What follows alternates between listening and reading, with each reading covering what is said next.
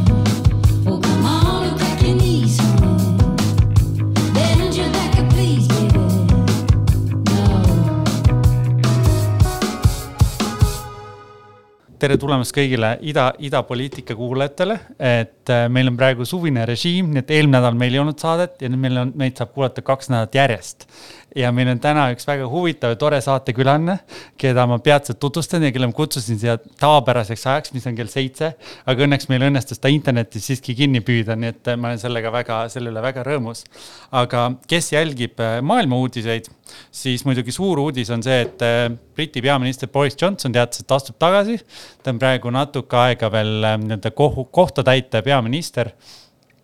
kuni siis konservatiivne erakond leiab endale uue esimehe. aga muidugi nii-öelda on inimesi, kes on soovinud tema tagasiastumist taotlenud juba päris, päris pikka aega.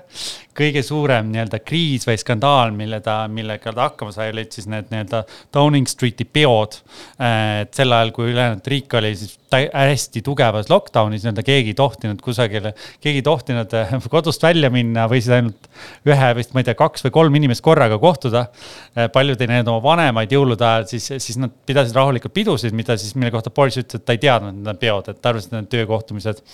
ja päris palju selliseid eetikaskandaale on olnud ja samal ajal ta on ka nii-öelda taotlenud natuke sellist kaubandussõda Euroopa Liiduga. ja, ja, ja Suurbritannias on ka kõige suurem inflatsioon G7 riikides, mis on vist üheksa koma üks protsenti ja Eesti uus inflatsiooninumber on kakskümmend üks koma seitse. nii et meil on, meil on asjad sellega hullemini, aga igatahes äh, Boris Johnsonil jääb selline nii-öelda võib-olla paljuski ikkagi negatiivne legacy temast järel, kuigi Eestis vaadatakse väga positiivselt just seda kõike, mis ta on Ukraina jaoks teinud. aga ta on ikkagi see Brexiti mees, kes Brexiti esile kutsus ja, ja palju ka nii-öelda võib-olla demokraatlikke norme või selliseid poliitilisi häid tavasid no, rikkus. aga äh, tuleme lõpuks ka meie toreda saatekülalise juurde, kelleks on Riigikogu liige ja arhitekt Yoko Alender. tere, Yoko tere, tere, aitäh kutsumast. Et äh, Yoko on, on lõpetanud Kunstiakadeemias arhitektuurimagistri, on töötanud arhitektina pikki aastaid. lisaks sellele kult, Tallinna Kultuuriväärtuste Ametis muinsuskaitse miljööalade osakonnas peaspetsialist olnud ja Kultuuriministeeriumis arhitektuuri ja disaini nõunik olnud mitu aastat. samamoodi mitu korda Tallinna linnavolikogu liige, kaks tuhat viisteist aastat Riigikogu liige. ja algselt siis Isamaa ja Res Publica Liidus ja siis alates kaks tuhat neliteist aastat Reformierakonnas. et väga särav ja, ja tore ja mitmekesine kogemus ja mulle meeldivad alati kultuuriinimesed, kes julgevad minna poliitikasse ja seal asju teha. et, et seega minu esimene küsimus ongi võib-olla selle, selle, selle valdkonna kohta, et, et paljud sõbrad küsivad minult, et mine poliitikasse, et sind huvitab see teema. ja siis ma ütlen neile, et kuulge, et Eestis ei ole, ei ole üldse nagu privaatsust inimestele ja siis visatakse soppa, ma toon kõik need negatiivsed asjad välja. aga võib-olla natuke midagi positiivset sinu kogemusest, et, et et kas sa oled nautinud seda, et sa oled saanud asju ära teha, et, et kas, kas, kas sa julgeks soovitada rohkematele tublidele Eesti inimestele eh, minna poliitikasse seal, seal ähm, kätt katsetada? ja ma kindlasti soovitaks, ma arvan, et see on äh, üks äh, võib-olla paremaid viise demokraatias kaasa lüüa kõige nagu sellisel ähm, mm, tormi, tormis ilmas kohe, aga vot, kes oskab kes oskab hästi olla seal tormis ilmas, siis võib-olla seal võib ka kohati päris rahulik olla, aga, aga noh, ma arvan muidugi, et, ähm, et eks sellist ähm, avatust ja sellist äh, hästi suurt nagu sellist arenemise võimet eeldab see amet küll. Ja, ja kindlasti eeldab ta ka äh, mõnes mõttes sellist äh, nii suure kui väikse pildi nägemist et, et selles mõttes kohati on vaja süüvida detailidesse, aga enamasti on ikkagi vaja näha nagu suuri seoseid, pikka, pikka perspektiivi, vähemasti see on võib-olla see, mis mind äh, on ennast kõnetanud ja, ja kus on olnud ka rõõm, et kui mõne väikse asja justkui tundub, et see on väike asi, mille sa teed, aga tegelikult, kui sa nagu seda suurt laeva saad väikese kraadi võrra keerata, siis võib-olla see tulemus ikkagi äh, on päris, ähm, see koht, kuhu me jõuame, on päris teistsugune ja ja noh, ma arvan, et puhtalt nagu sellises isiklikus plaanis jällegi, kui, kui inimesel on äh, soov maailma mõista, ühiskonda mõista, inimesi mõista, kohata erinevaid inimesi, siis jumala eest ma tervitan kõiki, kes tulevad ja, ja tõepoolest olen ka hästi õnnelik selle üle, et mul on ka õnnestunud mõni väga hea inimene veenda, kas siis tagasi tulema või, või poliitikasse tulema, et, et tule muidugi hakka, hakkame, hakkame aga toimetama jah, minul veel seda plaani ei ole, aga, aga kindlasti mõnel kuulajal on, et, et ma, ma olen nõus sellega, paljud, paljud tegelikult saatekülalised räägivad sellest, et, et on riike, kus inimesed julgemalt lähevad poliitikasse. et Eestis seda nagu kardetakse kuidagi millegipärast ja, ja ma küsiks sinult ka seda, et sa oled enne olnud ametnik, et selles mõttes, et Eestil on ka hästi tugev ametnikkond, kus, kus nad saavad palju asju ära teha. et kuidas see võib-olla vahe poliitikasse minekusse oli, et, et just öeldakse selle kohta, et see on, kõik asjad on kompromiss kompromisside, kompromisside, kompromisside, sa pead teiste erakondadega läbi rääkima või on ka teemasid võib-olla kultuurivaldkonnas, kus sina eksperdina saad seda rohkem kujundada, sest keegi teine lihtsalt ei tea seda teemat nii-öelda, kes on aktiivsed poliitikud? no ma arvan, et, et ametnikuna mul võib-olla oligi nagu see tunne, et ähm, et ma võisin nagu eksperdina anda ükskõik kui head ja, ja professionaalset nõu, aga kuskil Äh, tuli nagu vastu see, et, et poliitiline otsus on teistsugune ja siis mulle hakkaski tunduma, et, et miks ma siis ei võiks ise neid poliitilisi otsuseid ka aidata teha ja ja tegelikult äh, noh, mina usun väga sellesse ja oma enda rolli näen ka elus üldisemalt just sellise nagu erinevate maailmade või erinevate valdkondade nagu tõlkimisena või, või noh, kui soovida sildade ehitamisena või, või võib-olla see tõlkimine mind ennast isegi kõnetab nagu kõige rohkem, et tihtipeale mulle tundub, et inimesed vaatavad võib-olla seda ühte oma vaatenurka hästi-hästi sügavuti, aga, aga siis kui, kui suudetakse minna nii-öelda teisele te, võtta teine vaatenurk, siis tihtipeale tulevad ka need, on see ühisosa leidmine lihtsam ja, ja ma arvan, et et noh, ma arvan, tegelikult saab loomulikult äh, ei olegi nii oluline, äh, milline on inimese positsioon ja amet, kuivõrd on oluline, et inimene teab, millised on tema põhiväärtused ja, ja mis on see missioon, millega ta siia ilma on äh, tulnud või mille ta on endale nii-öelda selgeks mõelnud või, või sõnastanud ja selle, selle, sellega võib kindlasti nõustuda, et, et väärtused on, on kõige alus, et see aitab lihtsalt jah, struktureerida ja mõelda, mis on oluline ka.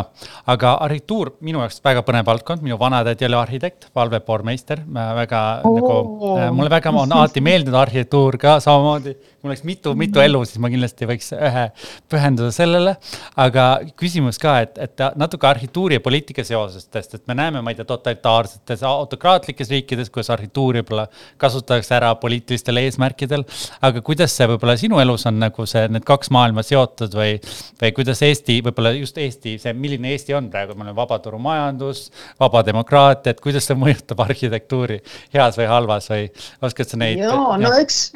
eks ma olen püüdnud ikkagi, eks see oli ka minu põhiline põhjus ikkagi lõpuks äh, see samm teha ja, ja poliitikasse minna, et, et mulle tundus, et seda elukeskkonna olulisust ähm, meil nagu otsustajate tasandil nii äh, väga nagu ei hoomatud. et mis siin salata, see ongi päris selline noh, selles mõttes nagu keeruline valdkond, et siin saavad kõik äh, sellised huvid nagu sellisel reaalsel füüsilisel kujul nagu kokku, eks ole ja, ja alati on samamoodi kuidagi vaja teha kompromisse, eks ole, ja ja jällegi on, on needsamad väärtused olulised ja, ja ma arvan, et Eestis noh, see areng kindlasti oli see, et, et peale ütleme nõukaaja lõppu, siis kõigepealt inimesed võib-olla pigem tegelesid nagu selle oma elamispinnaga ja ütleme sellega, mis nagu jäi tõesti sinu nelja seina vahele, siis võib-olla oma korteriühistuga. ja nüüd me oleme nagu jõudmas sinna, kus ikkagi ka see tänavaruum, see avalik ruum Äh, on, me saame nagu aru üha enam, et see on meie kõigi asi, noh samamoodi kasvõi, kasvõi siis ka looduskeskkond, eks ole, et selline nagu keskkonnademokraatia muutub üha olulisemaks. ja, ja noh, see, mis on võib-olla äh, mõnes mõttes nagu minu jaoks nagu vastuoluline, et ma olen äh, noh, liberaalse maailmavaatega inimene ja ja, ja ei usu väga käskudesse, keeldudesse, aga, aga teisalt ütleme ehitatud keskkonnas selline nagu väga liberaalne Äh, elukorraldus äh, noh, võib lihtsalt joosta nagu ummikusse, et kuskil on ikkagi vaja need, need erinevad huvid äh, panna nagu jooksma nii, et ei tekiks ka liiga suurt nagu ebavõrdsust, ütleme. ja, ja kui me vaatame kasvõi täna, mis toimub, üks asi, mis toimub eluasemeturul, et, et ega väga ise ei tahaks olla noore inimese nahas, kes, kes endale eluaset tahab soetada, et, et noh, Eesti on selline müstiline koht ka, eks ole, et meil on äh, Äh, suur osa elamispinnast äh, kuulub, eks ole, äh, sellele inimesele, kes seal elab. noh, siis minu jaoks viimasel ajal üks fakt, mida, mida ma mm, avastasin et, et kaheksakümmend kaheksa protsenti Eesti elamu ruut, elamispinna ruutmeetritest asub sellistes nii-öelda Lasnamäe tüüpi paneelmajades ehitatud siis kuuekümnendatel kuni üheksakümnendatel, eks ju, kuni üheksakümmend umbes et tegelikult see on meeletult suur protsent. Kaheksakümmend ütlesite? kaheksakümmend kaheksa protsenti. et, et see on tõesti väga, noh, see on meeletu väljakutse, kui vaadata nagu kogu kliimapoliitikat, energiatõhusust, eks ole mm. ja, ja et mis nende hoonetega teha, paljud ehitati ju oluliselt lühemaks ajaks, eks ole. et noh, see on võib-olla üks, üks teema, mis, mis on nagu selline hästi kriitiline ja, ja noh, teine teema on muidugi transpordikorraldus, kogu liikuvus kogu Eestis, ma ütleks, noh, võib-olla Tartu on siin nagu selline noh, nagu näidanud ikkagi üles soovi ja tahet asju teha paremini, aga, aga noh, ülejäänud Eesti siin ikkagi noh, pealinnast alustades kahjuks on, on siin ikkagi suured probleemid ja, ja mis siin salata, keskkond loob ju ka äh, Äh, tingimused meie nagu terviseks ja, ja heaoluks ja, ja lõpuks ka nagu nendeks kuludeks, mida me peame transpordile, eks ole, tegema, kui, kui meil ei ole nagu normaalseid valikuid. et noh, palju selliseid teemasid, kus tegelikult ütleme, selline arhitektuur laiemas mõttes, elukeskkonna kujundamine, otsused, poliitika ja, ja see elu saavad vägagi kokku ja absoluutselt, ma, ma olen nõus, et linna, linnaruum kui selline poliitikavaldkond on, on tohutult oluline. Ja, ja mainisid just natuke ka seda nii-öelda, et, et kui, kui ainult inimesi võib-olla kõik, kõikide arvamust arvesse võtta, siis tekib see nii-öelda nimbide probleem vahest, et inimesed ei taha, näiteks Londonis on see, et, et hästi palju ei ole ehitatud, see rohe, nii-öelda rohevõrk on ilusti linnale ümber, aga samas paljud lihtsalt peavad elama siis tunni või kahe tunni kaugusel sõitma, et, et raske on jah, kõigi, kõigi arvamust arvesse võtta. Ja muidugi keskkonnateema on ka, seda on lihtsam, lihtsam isegi suurlinna linnas on nagu elad, lihtsam elada, et sõidad jalgratta ja muude asjadega. aga samas jällegi, ma ei tea, päris maal inimestel on see liikuvus palju keerulisem, palju suuremad vahemaad, jällegi palju raskem, raskem seda ühtlaselt äh, ellu viia, ka nagu nii-öelda rohepoliitikat, mis on hästi oluline eesmärk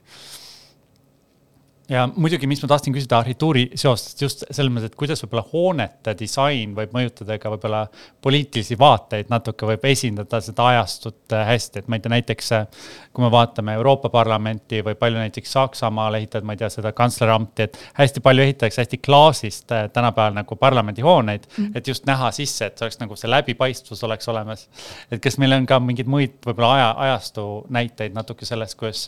arhitektuur võib-olla näitab seda, millise ajastus kus me elame natuke, millised poliitilised ajastud? no me võib-olla ei peagi nii kaugele minema, et tegelikult meie oma parlamendihoone, Riigikogu hoone on, on üks, üks esimesi, mis, mis tõesti parlamendihooneks ehitati. see, see originaalosa sealt siis ja, ja kus on ka vägagi, vägagi avatud nägemus, kus on olemas külaliste rõdu ja, ja, ja diplomaatide meediarõdu, et aga, aga noh, mulle tegelikult isiklikult nagu selline üksik hoonete nagu üksikute hoonete kui nagu objektide kaudu nagu äh, mõtestamine võib-olla ei, ei paku nagu nii palju huvi. et mind huvitab võib-olla isegi veel enam see, mis jääb sinna majade vahele ja tegelikult noh, see, see on just see, mida me, mida me näiteks Tallinna puhul näeme, et, et noh, Tallinn on linn, mis on elanud üle nii palju nagu katkestusi. et, et see katkestuste kultuur, kui, kui võiks niimoodi öelda, mis ju mõnes mõttes ongi noh, poliitika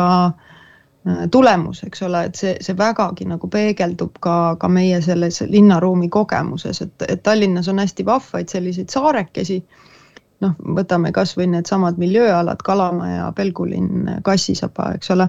aga nende vahel laiub mingisugune selline kummaline nagu autode kõrb, eks ole, et et kuidas seda Tallinn nagu kokku traageldada, et see, see võiks olla selline, kuidas tekitada sellist sidusat äh, ikkagi noh, mina, mina võiks vist öelda euroopalikku linnaruumi, kus ikkagi see inimene oma, oma kogemusega, oma viis kilomeetrit tunnis kiirusega on see boss, et, et see võiks olla see eesmärk ja sa, sa oled rääkinud, et Šoti arhitekti David Simmi raamatust Pehme linn, et kui sa just räägid praegu Tallinnast, siis Tallinn tundub hästi nurgeline just selles mõttes, et nagu äh, üks on, et jalakäija olla siin on päris keeruline, teine on see, et ta on nagu, ta on tõesti hästi erinevatest ajastustest nagu kokku visatud, mis mõnes mõttes isegi on võluv. aga ma tahtsin just küsida, et mis on pehme linn ja, ja teine on see, et, et mis on võib-olla sinu visioon sellest heast linnast, milline peaks olema hea linnaruum. Ja see David Simmi raamat äh, Pehme linn, see on võib-olla mõnes mõttes isegi jätk äh, kunagi ähm, ka minu algatusel välja antud äh, Jan Keeli raamatule Linnad inimestele, et David Simm töötas arhitektina pikki aastaid Jan Keeli kontoris ja seal siis hakkas nagu edasi arendama seda teemat. ja noh, pehme linn on võib-olla selline üldmõiste, mis seob ähm, just nagu selle keskkonnavaate siis selle inimkogemuse ja, ja selle siis selle linnaruumi. ja seal tulevad nagu mängu igasugused sellised mõisted, et noh, nagu kohanemine ja kohandumine hästi palju, et, et kui me võtame kasvõi ka kliimamuutuse, et kas see linn on selles mõttes piisavalt pehme, et kas ta kohandub, eks ole. noh, kui tuua väga nagu selliseid reaalseid näiteid, et kas, kas ta tulvavett nagu, mis ta, mida nüüd järsku tuleb tohutul määral, kas ta suudab seda, eks ole, võtta vastu ja jälle, jälle siis nagu ära kuivada ja aga, aga noh, seal on ka see, see pehmus selles mõttes, et, et võib-olla väike on parem kui suur, eks ole. ja võib-olla ajutine on parem kui väga-väga nagu pikk, eks ole, selline plaan ja, ja noh, kõik sellised noh, natuke rohkem nagu tundlikkust, natuke rohkem võib-olla ka seda osalemist, et, et kõik me oleme need linnaruumi kujundajad, et noh, kui me võtame näiteks Tallinnas jälle, ma ei tea, kus, kus te nüüd idaga olete, olete te ikka Telliskivis või vahepeal? Olete ikka, väga tore. no vot, seal on ju see, see on nagu selles mõttes hea näide sellisest pehmest linnast, et kuidas ta on suutnud nagu kohanduda, et kui tuli see eh, kaks tuhat kaheksa see majanduskriis, eks ole et ei mindud peale nende suurte tohutute plaanidega, ei lammutatud kõike maha, vaid, vaid mindigi sellisel pehmemal moel ja, ja see tegelikult sobitus väga hästi ja Telliskivi on tänu sellele olnud väga edukas, eks ole, ja, ja kohaneb ka pidevalt ümber. ja noh, loomulikult äh, pehme linna üks nagu põhi, põhiväärtusi on, on see, et inimene saab olla õues, et, et see selline nagu vaheruum ütleme nagu siseruumi õueruumi vahel on üks selline nagu hea ala, kus me tahame olla, kus meil on turvaline tunne ja niisugune nii et me oleme nagu kaitstud, meil on võib-olla seljatagune maja seina või, või mingi terrassi näol, eks ole, ja noh, niisugused hästi, tegelikult hästi lihtsad praktilised asjad. aga, aga sageli jäävad nagu ilma tähelepanuta, sest et eks, eks, eks arendajad loevad raha, tellijad loevad raha, eks ole ja võib-olla need noh, oluline on, et need oskused seda pehmet linna kujundada lihtsalt saaksid kõigile nagu ühest küljest noh, nagu teada või et, et, et inimesed ise analüüsiksid, et mis, mis neile meeldib nagu, millises ruumis neile meeldib olla või mis on ebameeldiv. Ja ja lõpuks me ju ise, kui me käime, noh, eestlastele on hästi omane see selline äh, et, et me tahame nagu linnast ära maale reedel, et me elamegi nagu sellises tsüklis, et noh, linn on nagu sihuke veits vastik ja niisugune kiire ja stress ja ummik ja et tuleks nagu reede saaks maale ära, et no aga et mõtleme, mis see on, mis meile seal maal nagu meeldib. et kas ongi see niisugune ulaelu, et terrass ja suveköök ja noh, see niisugune, et tead ju, kes naabrid on ja et, et tegelikult neid asju saab kõiki tuua ka linna ja väga hästi. Ja linn on noh, nagu sa ise ka ütlesid, et, et linn on tegelikult oma tiheduses keskkonnale oluliselt vähem koormust panev, eks ole. et, et, et selle, selle keskkonnaga me, me nagu loome ka seda, kuidas, kuidas me käitume ja, ja, ja siis jälle vastupidi, eks ole, oma käitumisega mõjutame keskkonda, et see on selline nagu vastasmõju ja see võiks olla pehme selles mõttes, et, et kohandume teineteisega. jah, see, see sajand tuleb kindlasti suur väljakutse, sest väidetakse, et, et maailma meri võib tõusta vist neli meetrit kuni kolm kuni neli meetrit, et seda on päris palju. ja kindlasti, kui sa rääkisid just nendest maad või nagu suurtest nii-öelda teedest, et see on tõesti autodele ehitatud linn, et, et jah, ja härjapöögi on, see on huvitav, et kas, kas ühel päeval võetakse see välja, et see natuke teha rohkem sellist nii-öelda avada seda. ja mis on, mis on huvitav, on Hiina linnades, Hiina on ehitanud oma linnu väga hilja tegelikult, et nad on päris palju sellist nii-öelda švammi põhimõtet seal seal üritanud rakendada, et nad suudaks ehitada siukseid väikseid parke ja asju, mis imavad palju rohkem seda vett sisse et, et siin kindlasti oleks, Tallinn näeks täitsa teistmoodi välja, kui mõned teede asemel oleks täiesti rohealad. aga et see, see tundus nagu võib-olla täiesti ettekujutadamatu, võib-olla viisteist aastat tagasi ähm,. aga, aga tänapäeval me vaatame seda teistmoodi võib-olla ja no kindlasti ja, ja ma arvan, et, et noh, see on, see on hästi hea, et sa, et sa märgid siin seda veetõusu, et, et kindlasti see on üks teema, et noh, ma mõtlen jällegi noh, mõeldes nagu Põhja-Tallinna konteksti, kus, kus sina seal oled, mina olen täna siin pisut eemal, aga aga et noh, plaanitakse ju eh, Põhja-Tallinnasse on ka ette nähtud hästi palju uusi eh, elamualasid just sinna mere äärde, et, et noh, ka seal äh, on meil ägedad arendajad, aga ma loodan, et nad on mõelnud selle peale, et, et, et see on midagi, millega tõesti tuleb arvestada ja, ja noh, ega siis muidugi ega need tulvaveed ei ole ka ainus mõju, et, et me küll, Eesti on selles mõttes päris hea koha peal, et et me, noh, meie sood ja, ja rabad puhverdavad, eks ole, hästi seda, seda vett ühest küljest ja, ja teisest küljest noh, ega meil nüüd nii soe ka ei ole, aga ma arvan, et see suvigi algas juba päris korraliku kuuma lainega, et et, et, et ka see, kuidas linnades seda nii-öelda heat, heat island efekti nagu kuuma, kuumalainete puhul nagu maandada, et see on jällegi selline just sihuke pehmuse teema.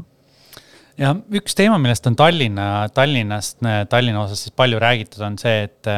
et äh, Tallinnast võib saada üks Euroopa kõige segre-, segregeeritum linn pikas perspektiivis, et on uuringuid selleks tehtud, on vaadast-, vaadatud, kuidas inimeste sissetulek on hästi erinev siis nagu erinevates linnaosades, et kas see, kas see kriitika või see hirm on põhjendatud ja teine on see, et mida, mida peaks linna planeerimises ette võtma, et seda vältida või vähendada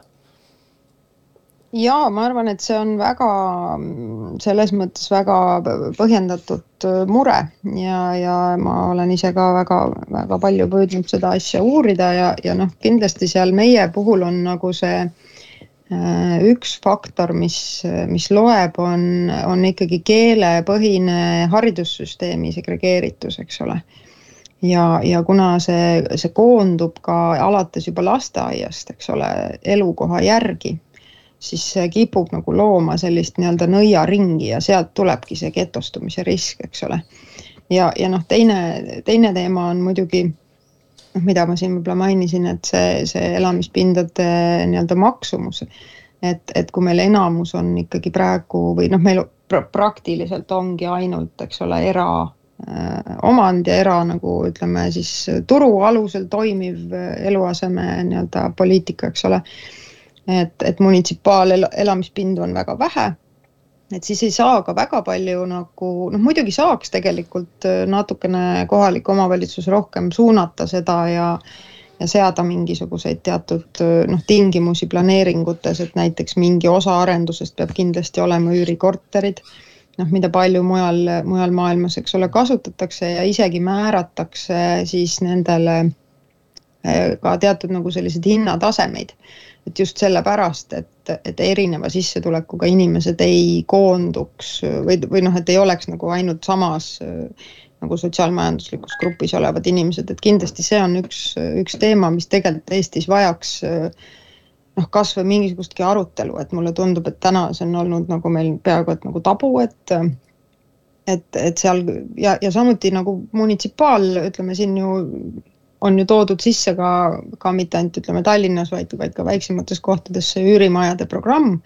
mis tegelikult on olnud suhteliselt edukas, et hiljuti siin just äh, kuulsin Saaremaalt äh, näidet, et Kuressaarest, et äh, nädala ajaga vist läksid need kaheksateist korterit, et et võib-olla ka natuke on olnud selline nagu halb äh, nagu kuulsus nendel nagu munitsipaalelupindadel, et see tundub midagi, mis on tõesti nagu eluheidikutele, aga tegelikult on väga palju erinevaid Euroopa linnu, kus äh, kus inimesed niimoodi elavadki, seal on teatud nagu garantiid neil, et, et seda üürilepingut noh, ei, ei saa lõpetada nii kiiresti ja, ja need hinnad on, on ikkagi nii-öelda kontrollitud, et et, et ma arvan, et see on noh, ta on kindlasti keeruline ja Eesti on selles mõttes erandlik, et, et tänu sellele, et, et kui Eesti sai vabaks uuesti, et siis tuli loomulikult tagastada, eks ole, inimestele need ära võetud pinnad, eks. aga kindlasti siin mingeid uusi mudeleid on vaja ja ma arvan, et noh, ühest küljest see, see nii-öelda haridussüsteemi ikkagi ühtse, ühtse haridus, haridussüsteemi küsimus, aga aga kindlasti ka sellised uued nagu omandivormid ja üldse, et kuidas nagu, et ka see arendaja võib-olla see nagu nii-öelda, kui, kui mõelda, et kuidas noored inimesed saaksid iseendale ka elamispindu koos nagu arendada et, et erinevad sellised nagu ühistud on näiteks noh, Berliinis on päris, päris nagu häid selliseid näiteid ja, ja võib-olla siin ka selline moodulehitus on midagi, mis mulle endale nagu pakub huvi, et mis, mis annab uusi võimalusi ja mis on võib-olla noh, ka sellele koduloojale niivõrd nagu noh, nagu arusaadavatest klotsidest nagu koosneb, et et saab nagu pisut väiksema kuluga koos tehes, endale tehes ikkagi nagu luua nagu rohkem seda elukvaliteeti ei, ma olen, ma olen väga nõus selles, mulle tundub lihtsalt see, et, et see on üks esmaseid asju, mis tegelikult tekitab ebavõrdsust, ongi see, et kui inimesed, mõned inimesed omavad kinnisvara, mõned ei oma üldse, mõnel on ligipääs kinnisvarale, mõnel ei ole, et see on, see on natuke võib-olla sellise kapitalismi laud, nagu öelda, hästi vaba kapitalismi korrektuur, mida, mis, mis on tore, et ma loodan, et Eesti jõuab sinna nagu aktiivsemalt ja hakkab selle teemaga tegelema, sest, sest muidu on jah, meil, kui me vaatame lihtsalt täpselt samamoodi edasi meie maksusüsteemi ja nii-öelda samamoodi, kui meie noh, kui riik ei sekku sellesse valdkonda, siis järgmine generatsioon hakkabki endale, ma ei tea, Põltsamaale, kui ta tahab kuuri osta, siis ta võib endale, kui ta tahab kodu, on ju enda omada. et see lihtsalt muutub nagu võimatuks, et ma näengi ju Suurbritannias näiteks seda, et tõesti lihtsalt äh, mingid generatsioonid ei, ei osta enam kinnisvara, see, see ei ole enam nagu valik. või siis noh, et elataksegi, ma ei tea, kuni neljakümne aastaseni või ma ei tea, sõpradega siis erinevaid ruume oma nagu ruume üürides et, et see on jah hästi suur nagu ebavõrdsuse teke, et selles mõttes on, on, on tore, et, et, et ka Eestis mõeldakse selle peale rohkem, et kuidas natuke rohkem sekkuda. ja ma saan aru ka seda, et nagu sa mainisid, et tegelikult väikelinnades on see üürikorterite probleem kõige suurem vahest, et, et seal lihtsalt ei ole seda üldse turgu. Absoluutselt. Ja, ja noh, mulle tundub, et see, see programm on tegelikult seal väiksemates kohtades päris hästi läinud käima ja noh, kuidagi me peame ka mõtlema, eks ole, jällegi seesama äh, energiatõhususe teema, eks ole, et kuidas kõik need äh, kaheksakümmend kaheksa protsenti elamispinnast, eks ole, renoveerida niimoodi, et, et noh, et päriselt nagu terviklikult renoveerida, et mitte lihtsalt katta selle penoplastiga neid maju, vaid ikkagi nii, et, et ikkagi see sisekliima, ventilatsioon, küttesüsteem, kõik, eks, et et noh, ja, ja teine asi on muidugi, et kuidas üldse noh, eks pangad on ka hästi oluline nagu faktor sellel ähm, kogu selles teemas, et kui kauaks näiteks, mis, mis aja, ajaks eluasemelaene, laenusid antakse. et võib-olla see saab üha enam olema midagi, mis on ikkagi ka nagu selline äh, mitme generatsiooni teema, eks ole, et, ähm, et, et ikkagi nii-öelda päritakse, eks ole, ja, ja et kui see noh, mõnes mõttes võib-olla me peame ka mõtlema, kuidas mitte nii palju ehitada, eks ole, sest ega see ehitussektor juba täna, eks ole, üheksakümmend protsenti elurikkuse kaost on tagasi nii-öelda see põhjus on see selles, et ehituse jaoks on loodusressursse välja kurnatud, eks ole viiskümmend protsenti kogu äh, kliimabilansist tuleb äh, nagu ehitusest tulnud äh, nii-öelda heidetest, eks ole. et, et ja, ja rahvastik, noh, maailma rahvastik suures plaanis kogu aeg kasvab, eks ole, et noh, me, me ei saa jätkata sellisel samal moel, eks ole et, et selles mõttes kindlasti me peame selle püramiidi ümber pöörama ja kõige enam kasutama olemasolevat paremini, eks ole, renoveerima, rekonstrueerima võtma, ma ei tea, minu poolest, eks ole, neid mõttetuid tühjaks jäävaid kaubanduskeskusi muul moel kasutusse, eks ole. ja, ja ka see, mida me ehitame, et, et noh, kindlasti me ei saa endale lubada seda, et, et me, et me uut loodusressurssi välja ammutades ehitame maju, mis noh, kestavad viiskümmend aastat näiteks, eks ole, see on täiesti jabur et, et, et see peab olema nagu lõpp, praktiliselt noh, ütleme teras näiteks on lõpmatuseni taaskasutatav, eks ole, et, et, et, et ka need on asjad, mille peale arhitektid tänapäeval peavad ikkagi üha enam nagu lahendusi pakkuma jah, taaskasutus enam-vähem või no üha rohkem on ka majanduslik võimalus, et see on, see on hästi õige, õige valdkond, mida vaadata. Äh, mis ma, kui me arutasime ka siin saatkes muidu erinevate erakondade Tallinna pro, linnaprogramme valimistel, valimistel siis kohalikel valimistel ja meile tundus, et võib-olla Reformierakonna, sotside, Eesti kahesaja nende linna planeerimise valdkonna programmid olid natuke sarnased, ütleme nii, seal oli see viisteist minuti linn mainitud, palju rattateid ja, ja võib-olla muid, muid erinevusi ka. et nüüd, kui meil on olnud Tallinnas siis äh, linna planeerimise portfell sotside käes, ma ei tea, äkki pool aastat, varsti saab aasta. et, et mis on need asjad, mida sina loodaks, et võib-olla nemad siis saavad ära teha äh, selles valdkonnas või mis on sinu wish list maadlelippusele no ma olen äh, Madlele lubanud, et ma avalikult äh, teda ei kritiseeri, sest ma arvan, et tal on äh, väga raske, mm, väga raske roll kanda. ja ma arvan, et ta kindlasti on oluliselt pädevam kui seni. noh, ma kipun arvama, et enamus selles positsioonis olnud inimesed ja, ja noh, eks, eks noh, loomulikult üks, üks abilinnapea kui kakskümmend aastat on käidud nagu täiesti valet rada, siis loomulikult on raske neid äh, muutusi ellu kutsuda, noh, me näeme Tartu näitel, et kuidas ikkagi see tugi nagu ikkagi sul linnapea poolt ja, ja noh, see, see nii-öelda poliitiline päris tahe nagu neid asjugi tehagi nüüd nagu professionaalselt ja kaasaegselt, et noh, see, et need programmid võib-olla nendel erakondadel, keda sa mainisid, olid sarnased, on lihtsalt noh, see on niivõrd, need on nii ära proovitud tõed mujal maailmas, et siin ei olegi nagu nii palju seda maailmavaadet, kuivõrd seda, et lihtsalt tuleks nagu tõdeda, et et see on see väärtuspõhine linn, mida me tahame kujundada, eks ole. ja, ja just nimelt see inimese, inimese kogemuse nagu esikohale seadmine, et, et, et selles mõttes, kuidas see nagu ümber keerata noh, mis on, mis on Eestis olnud, eks ole, ja Tallinnas siis eelkõige, et, et, et noh, meil on olnud hästi hiline autostumine, et, et see, mis mujal maailmas toimus peale äh, teist maailmasõda, toimus meil siis äh, nii-öelda üheksakümnendatel, eks ole. Et, et kui meil nõukaaja lõpus oli seal kuskil kakskümmend viis autot tuhande inimese kohta, siis nüüd on kuussada, eks ole ja, ja meil tuli see nagu hiljem, eks ole, et sealt ka see, see meeletu hulk raha, investeeringuid, mis läks just auto infrastruktuuri, kõik see muu äh, jäi nagu maha, eks ole. et noh, kahjuks oli siis juba see hetk, kus ütleme, seitsmekümnendatel hakkasid nutikamad linnad, kui oli esimene naftakriis, hakkasid aru saama, et tegelikult ikkagi see eraauto ei olegi eriti nagu nutikas asi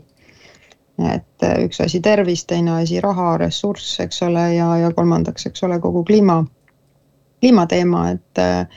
et noh, me, me lihtsalt oleme tahes-tahtmata hetkel väga palju ajast maas ja, ja seda nagu mõtteviisi muudatust on, on võib-olla nagu äh, noh, ma, ma näen, et asjad ikkagi liiguvad vaikselt ja, ja mul on hästi hea meel, et, et noh, kui ma ise kaks tuhat seitseteist vedasin Reformierakonna Tallinna programmi kirjutamist, siis järgmine kord nüüd siis nendel valimistel ma ei pidanud enam vedama ja see kõik justkui juhtus nagu iseenesest, eks ole, et ja, ja noh, samamoodi tõesti sotsid ja, ja noh, soovin neile ainult, ainult nii-öelda jõudu, et et, et loomulikult see on, on raske ja ma arvan, et ega ega noh, seni kuni need teised abilinnapead ja, ja linnapead ise ka päriselt nagu seda kogemust sellest, sellest elust või sellest inimesest, kes päriselt sõidab trammiga, kõnnib jala ja selle jalgrattaga, lapsevankriga, noh, poekottidega, noh, ega siis, kui ei suuda kuidagi äh, nagu teooria kaudu aru saada, noh siis kui kogemust ka ei ole, siis ongi hästi raske, eks ole, aga, aga noh, fakt on see, et tegelikult need teadmised on, on vägagi olemas, kuidas sedasama viieteist minuti linna luua. ja, ja noh, mulle hetkel lihtsalt tundub, et noh, kasvõi seesama Peatänava näide, et, et Tallinnas vist ikka peab minema nii, et teeme ikka nagu kõik lollused ära, et siis pärast saame hästi raske raha eest lappida kõike seda, et ähm, et enne peab hästi halvaks minema, et noh, vaatame kasvõi seda liiklussurmade hulka, eks ole, et, et ega ikka, kui ei ole nagu seda keskkonda, kus selle rattaga sõita, no siis sõidad seal, kus saab ja no siis need õnnetused tulevadki, kui erineva kiirusega liiklusvahendid on kõik puseriti koos, eks. et ja. Äh, kõva stress ja Madele soovime lihtsalt äh, palju jõudu ja selgroogu ja, ja ikkagi tilk tilga haaval ei, selles äh, võib nõustuda, et, et Tallinn on kindlasti maha jäänud selles nagu linnaplaneerimise valdkonnas üleüldiselt ja, ja tore, et, et, et on julgeid inimesi sellega tegelema. aga mis sa, mida sa mainisid natuke varem, oli ka see, et just nagu nii-öelda kogukondade fookus, et inimesed või noh, Eesti on nii kaugele arenenud, et paljud inimesed mõtlevad selle välisruumi peale. et näiteks on sellised taskupargid ja sellised võib-olla kogukonna aspektid linna planeerimises, et kas need on nagu, mõned on ära proovitud, hästi vastu võetud, mingeid väikseid asju on vist tehtud juba, ma küsin näitena lihtsalt ja, ja ma arvan, noh, siin on lihtsalt see, et seal peaks nagu sellele kogukonna initsiatiivile peaks see linn nagu vastu tulema, eks ole, et ega kogukondlik selline, noh, seal on lihtsalt see, et need nii-öelda sädeinimesed väsivad ära, eks ole. et, et oluline on, on ikkagi kuidagi nagu luua ka selline noh, linna poolt see nagu struktuur või tugi, et, et need asjad saaksid nagu pidevalt, pidevalt juhtuda, et et noh, kui ma vaatan praegu selliseid linna, linnaprojekte, noh, ma, ma ei taha olla nagu liiga kriitiline, aga, aga noh, kasvõi see, see putukavälja teema, et, et noh, mulle tundub, et see kõik ikkagi kuidagi väga nagu kaob ära ja on niisugune hästi nähtamatu, et, et noh, kindlasti paljud Ida raadio kuulajad jälgivad ka seda mitte Tallinna Instagrami kontot, et et noh, ei ole, noh, suured asjad on ka olulised ja neid peab nagu linn ise tegema, aga selliseid väikseid asju tõesti kogukond saab ise teha, aga, aga samas seal on ikkagi noh, iga noh, kui tahta ikkagi juba istutada, kui tahta kuskilt ikkagi mingi jupikene võtta rohkem veel nagu selleks, siis kasvõi seesama väike need minipargid, noh jällegi minu meelest London, New York, mõlemad nagu ülihead näited, Pariis, eks ole. et, et ega ei olegi palju vaja selleks, et see linnas olemine oleks nagu mõnusam, et, et lihtsalt seda on vaja nagu tihedalt, et, et see oleks sulle nagu kättesaadav, et see ongi seesama viieteist linn, minuti linna mõte, eks ole, et noh, et ei aita, kui meil on nagu üks üks hiigelsuur park kuskil kaugel, eks ole, et, et jah. ma olen nõus, et meil on vaja ikkagi struktuuri ja keskkonda, mis võimaldab selliseid asju lihtsalt ellu viia ja lihtsalt hoida, aga me teeme vahepeal väikse muusikalise pausi, me tuleme tagasi. thank you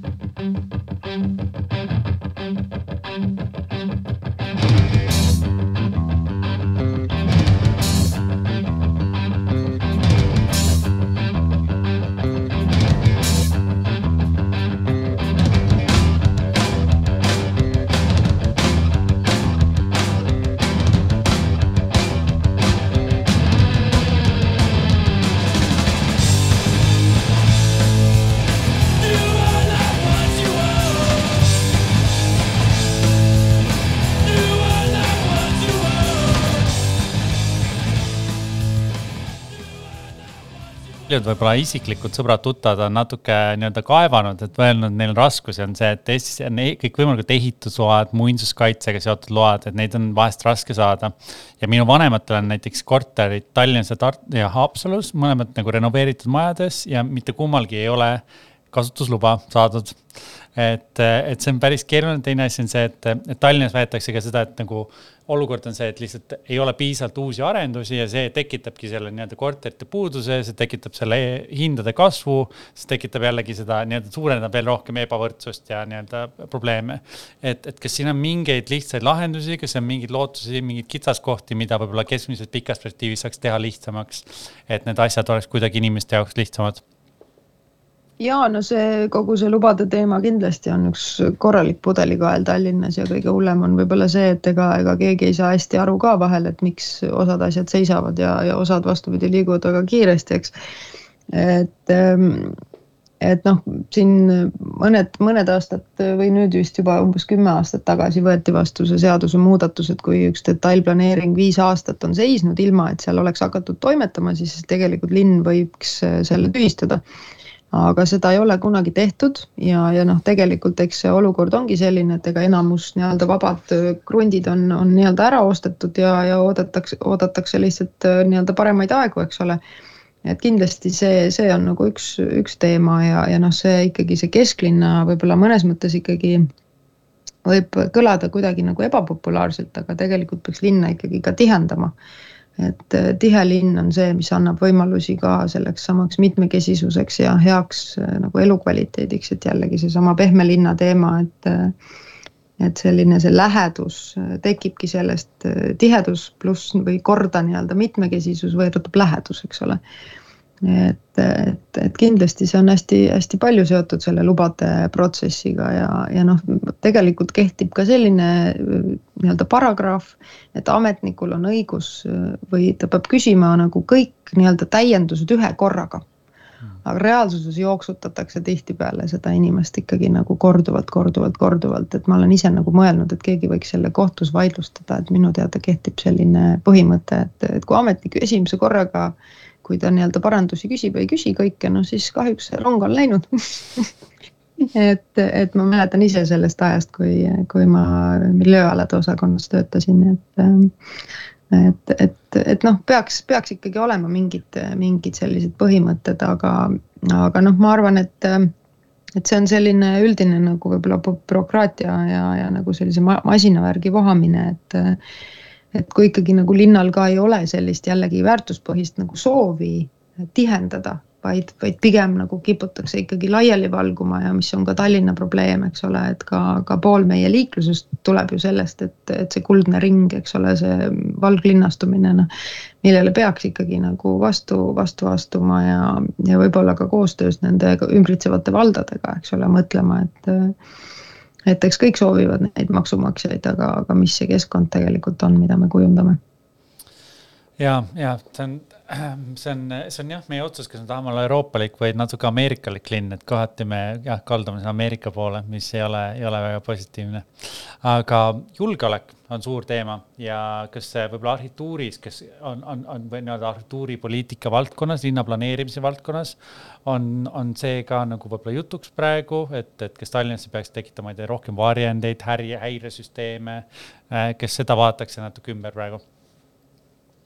ja no see võib-olla arhitektuuri poole pealt võib-olla nii äh, isegi ei ole nagu selle debati osa küll, aga, aga julgeolekupoliitikas need mõlemad teemad, nii häire, häiresüsteemid kui, kui ka varjendid on, ma tean, saanud lisaeelarvest vahendeid, et, et sellega tõepoolest tegeletakse ja ja kahjuks me oleme sellises julgeolekuolukorras, kus inimesed päriselt mõtlevad nende asjade peale ja noh, mullegi siin on helistanud murelikud kodanikud, et miks ikka seda häiresüsteemi ei ole ja aga noh, tõepoolest seda, selle jaoks nüüd need vahendid leiti ja, ja sellega tegeletakse ja minu teada ka, ka see varjendite märgistamine on, on nii-öelda alguse saanud. aga eks see julgeoleku, julgeoleku teema tõepoolest ega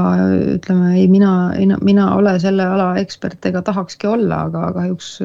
poliitikuna täna ei ole ka nagu eriti teist valikut, et tahes-tahtmata tuleb kõiki neid, neid asju, neid arenguid jälgida ja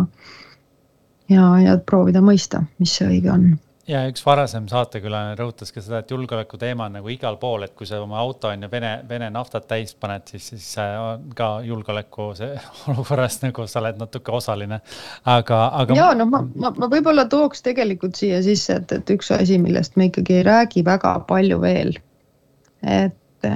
tegelikult on seal taga ikkagi ka nagu seesama ressursside kriis ja seesama kliimakriis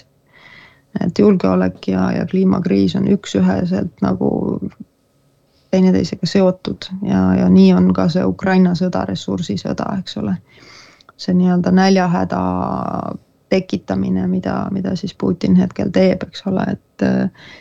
ja, ja, ja samuti, samuti nii-öelda erinevad noh, igalt poolt, kus sa vaatad nagu, kus on läinud nii-öelda rahutusteks, noh isegi siin äh, hiljuti äh, ühes loengus oli äh, jutuks, et isegi Prantsuse revolutsioon tuli peale ühte nii-öelda väikest äh, jääaega ehk siis ühte nii-öelda kliimakriisi, eks ole. kus siis olid ikka ikaldused ja, ja noh, samamoodi siin need Araabia kevad, noh, seal, seal igal pool on need, need ressursid on see, mille ümber see asi käib, et loomulikult on ka mingit nii-öelda imperialismi ja, ja muud nii-öelda äh, aga, aga see kõik on nagu seotud, et, et võib-olla seda ei ole nagu liiga palju meil äh, võib-olla üles toodud ja, ja noh, võib-olla ühest kriisist nagu piisab, aga, aga tegelikult ega see on midagi, mis nagu süveneb. et seda maailma nagu komplekssust ja, ja kliimakriisi mõju, seda olukorda, kuhu me oleme inimkonnana jõutud, ega siin nagu äh, noh, ütleme väga nagu paremaks ei lähe lähiajal, et, et selles mõttes tuleb olla valmis keerulisteks aegadeks ja tuleb ikkagi päriselt teha ka oma mõtteviisis meil kõigil ja käitumises muudatusi absoluutselt, Eestil on ka see, et meil on lihtsalt nii madal territoorium, et see ohustab meid, noh, kliima, kliima soojenemine ohustab meid eriti, et see on selles mõttes täiesti otseselt julgeolekuga seotud. aga millest ma tahaks veel küsida, on üldse, me rääkisime natuke poliitikasse minekust, aga sa alustasid sellises erakonnas nagu oli Isamaa ja Res Publica Liit ja siis koos Eerik-Niiles Krossiga, teil oli väga, ma mäletan, see oli väga edukas äh, valimistulemus alguses, kui te kandideerisite äh, Tallinna, Tallinna linnavolikokku. aga, aga kahjuks lahkusite mõlemad mingil määral ja, ja mulle tundus nagu jälle vaatlejana see, et, et teie koos läks ära põhimõtteliselt võib-olla viimased, enam-vähem viimane selline liberaalne tiib natuke sellest erakonnast. et, et mingi osa valijaid lihtsalt ei, noh, pärast seda aega, ütleme nii, et see oli sama aeg, sarnane aeg muidugi oli kooseluseadus ja sellised võib-olla nagu hästi sotsiaalkonservatiivsed inimesed otsustasid esile tõusta ja pärast seda on Isamaa Res Publica Liit pigem nagu võib-olla olnud konkurentsis rohkem EKRE-ga ja vähem Reformierakonnaga. et kas mul on nagu õige vaade või kuidas oli sinu kogemus Isamaa Res Publica Liiduga? Ja no mulle lihtsalt isiklikult tundus, et seal ikkagi sellistele värsketele mõtetele ruumi ei olnud ja, ja see oli pigem nagu erakond, mis toimis sellise väikse grupi ettevõttena või ettevõtmisena. ja, ja noh, ma tegelikult ma arvan, maailmavaateliselt minus endas on ka väga palju nagu sellist ähm,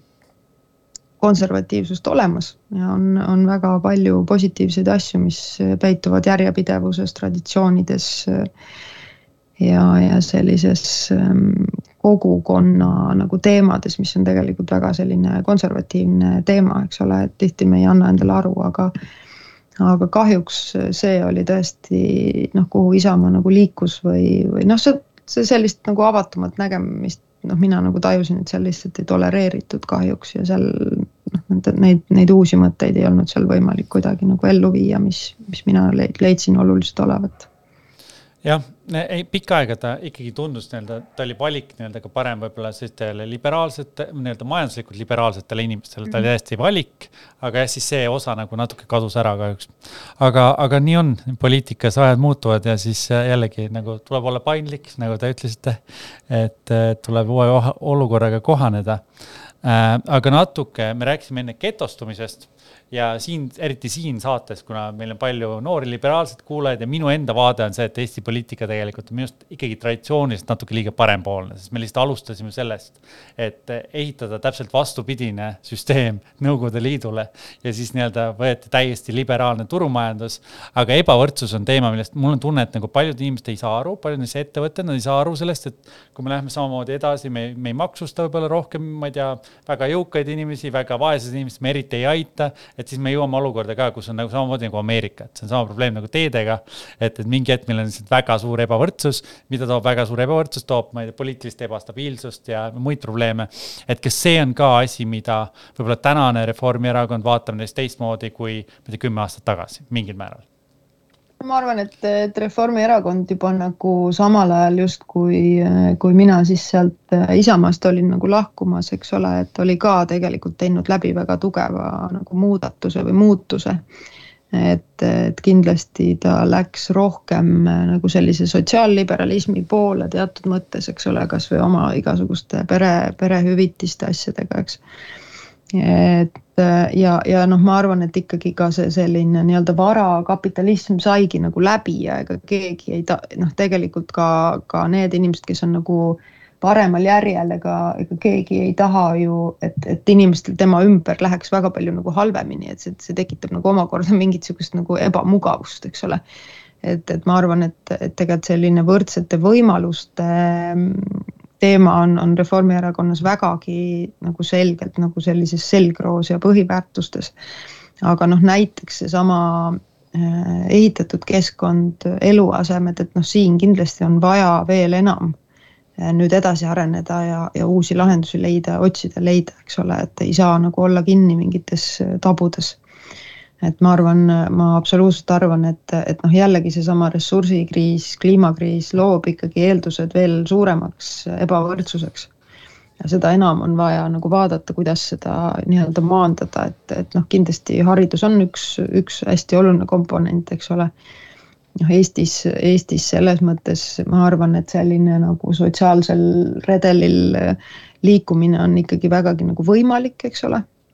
haridus on seal väga-väga oluline nagu komponent. aga, aga sellel tuleb ikkagi ka kogu aeg nagu silma peal hoida, eks ole, et, et see on nagu selline pidev, pidev töö ja ja noh, võib-olla Reformierakond on ka tänaseks nagu nii suure laia toetusega erakond, et ega, ega siin noh, on, on ka väga palju neid, kes pigem nagu süüdistavad meid nagu liigses sotsiaalliberalismis, eks ole, et, et on on kindlasti nagu noh, üht ja teistpidi, üht ja teistpidi nagu vaateid, et ähm.... ei, ei, see on selge, et teil on, teil on väga lai valijaskond ja väga lai valijaskond erinevate soovidega. ma ütlen lihtsalt enda, enda isikliku arvamuse ja et selles mõttes kokkuvõttes me vaatame ikkagi inimeste maksustamist, siis on ju passiivne tulu on null protsendiga, kui sa ettevõtte alt reinvesteerid mingeid asju ja siis ma ei tea, tavaline, ma ei tea, mada-, alampalka teeniv inimene tegelikult maksab tõenäoliselt pool oma palgast maksudeks, et, et seal on nagu jah, lihtsalt pikas perspektiivis see tekitab nagu suure. alampalka ma teenin, inimene ei maksa tänapäeval üldse makse. no ja no väga väike väikest palka saav inimene, ma ei tea, ütleme Miinimum, miinimumpalk, miinimumpalka saav inimene ei maksa üldse makse. sotsiaal, aga sotsiaalmaksu ei maksta üldse tema pealt? no tulu, jah, tulumaksu. selles mõttes, et kui me vaatame tööandja kulu ja siis seda, mis ta kätte saab, siis see on muideks tegelikult jumalast oluline teema, ma ei ole küll nagu tohutu maksuspetsialist, aga kui teisalt vaadata nagu sellist ettevõtja vaadet, et hästi tihti olen arutanud ka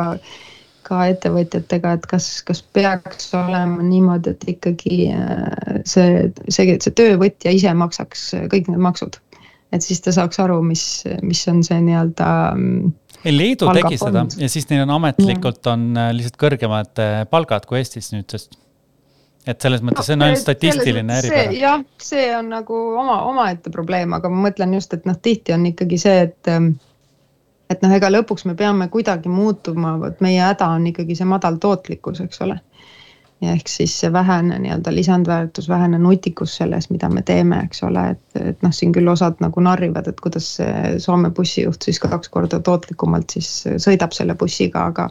aga noh, see on see keskmine, eks ole, et, et tehakse lihtsalt nii palju ka suurema nutikusega asju lisaks sellele bussiga sõitmisele, eks ole, et et eks, eks me ikka sinna kuidagi peame, peame ka oma, oma tarkusega jõudma. meil on mõned minutid aega ja ma küsin kindlasti teemas ka natuke, mis on oluline, sest äh, eriti meie saates, me avastasime kasvõi seda, et lihtsalt poliitikas või noh, kui sa jälgid poliitikat, ikkagi naisi on väga palju vähem äh, naisi on ka väga palju vähem poliitika saatejuhtide seas et, et mis on sinu kogemus? Natalil vist on saade või tal ei ole enam teil seal saadet? Natal, Natali midagi teil. teeb, aga vist mitte poliitikast nii väga. aga ah, Kersti Kaljulaid, kui ta läks, kui sai presidendiks, väga palju oli nagu teemast ikkagi ajakirjanduses, et what she wearing on ju. Kaja, Kaja Kallasega samamoodi, et alguses ei suutnud inimesed ära hädaldada, et kuidas ta ei ole piisavalt bossi, ta ei kehtesta ennast ja, ja kõik nii edasi. et, et, et kas meil on topeltstandardid, kas meil on mingil määral šovinismi probleem poliitikas või ajakirjanduses või mingis osas ühiskonnast?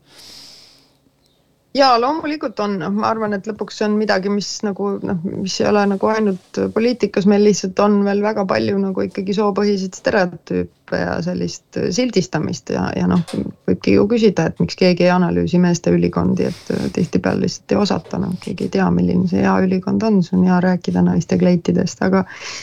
aga noh, eks see on, see on absoluutselt, noh, me tuleme ikkagi sellisest patriarhaadist, eks ole, et et ega see ongi üks, üks igavene teekond, kus, mis eeldab ka väga avatud, nii avatud meesterahvaid kui avatud naisterahvaid kui igasugu inimesi, eks ole, et aga noh, ma arvan, et kõik ei ole ka nagu halvasti, et ma arvan, et praegu Keit ja, Keit ja Kaja on ikka korralikult nagu vedanud neid koalitsiooni läbirääkimisi seal nagu kaks, kaks tarka naist kunagi, nii et, et eeskujusid õnneks ikkagi on kindlasti on arenguid, ma olen sellega väga nõus, et, et selles mõttes ka see keskkond üleüldiselt on hästi oluline, et kuidas neid inimesi koheldakse, et äh, kui ähm, Tony Blair tuli võimule Suurbritannias, siis nad said väga palju äh,, kuna Suurbritannias on see süsteem, kus need iga, iga siis vald, iga nii-öelda kohalik ringkond valib ainult ühe kandidaadi ja väga paljudesse ringkondadesse, kus tegelikult ei oodatud, et inimene võidaks, pandi just naiskandidaadid ja siis väga palju nii-öelda sada umbes äh, naist, kes tegelikult üldse ei oodanud saada parlamenti, sai parlamenti. ja neid nimetati nagu Blair's babes nagu nii-öelda äh, siis ajakirjanduses. ja ka paljud neist lihtsalt ei läinud sinna kunagi tagasi, sest neile ei meeldi sihuke karjumine, hüüdmine, sihuke nagu hästi macho kultuur, mis Briti parlamendis on, see on sihuke nagu boys club, mis on nagu nii-öelda väitlemisklubi nii-öelda natuke nojah, eks seda ma arvan, et ega need õhtused töötunnid ei, ei meeldi kellelegi, kes tahab normaalset pereelu elada, eks ole, et see on väga palju seotud selliste väga nagu argi, argipäeva elukorraldusega ka jah, lõpuks, eks ole, et elu, elu koosnebki lõpuks argipäevast, eks ole, või argipäevadest, et et need on noh, aga neid, nendes asjades tuleb ka muidugi siis noh, teha nagu suu lahti ja ega siis saab ainult neid asju muuta, et et eks see on, see on selline, et vahel me ka arvame, et kõik teavad, mis me mõtleme, aga kui ikka ei ütle, siis ei tea ja, ja noh, see kultuuri muutumine võtab, võtabki aega kindlasti, aga noh, mind ennast ka noh, kasvõi siin viimane asi, mis mind nagu meedia poolelt häiris, oli, kui Kaja, mingit Kaja edu kirjeldav lugu, pealkiri oli ikka nagu Sõjaprintsess Kaja, et ma ei tea, noh, võib-olla see ei olnud nagu nii negatiivne, aga minu jaoks oli see ikkagi nagu selline mõttetu kuidagi, et et räägiks lihtsalt asjast, et äh, mis asja ma olen nõus, ei muidugi seda juhtub igal pool mingi peal, kui vaadata Briti tabloide asju, et äh, jah. aga mis, mis, mis, mis muidugi akadeemilises kirjanduses räägitakse ka seda, et vahest see probleem on juba tegelikult parteides, erakondades. et kui erakondades ei ole lastehoidu, siis ei saa sinna naised minna ja tihti on see, et mhm. erakonnad ei pane ju nimekirjadesse naisi, siis sa ei saa neid ka valida. et seal on see proportsioon, ma kunagi tegin mingi uuringu ka selle kohta ülikoolis, et ma vaatasin proportsioone, et kui naised olid nimekirjas, inimesed valisid ka kui nimekirjas ei olnud. ja mulle siis..., mulle tundub ka, et, et, et Eesti inimene on ikkagi nagu selles mõttes nüüd valmis naisi valima küll, et võib-olla kohati on ka sellest meeste lärmamisest nagu kõrini ka, et, et et, et meil nagu head naised saavad, teevad asju küll, et, et. jah, me, ma pean nüüd sind nüüd tänama äh, väga toreda vestluse eest ja, ja ka meie kuulajaid, aga meid kahjuks visatakse siit äh, stuudiost nüüd välja. et kohtume no, siis äh, nädala pärast veel, aitäh. aitäh kutsumast, kõike head, ilusat suve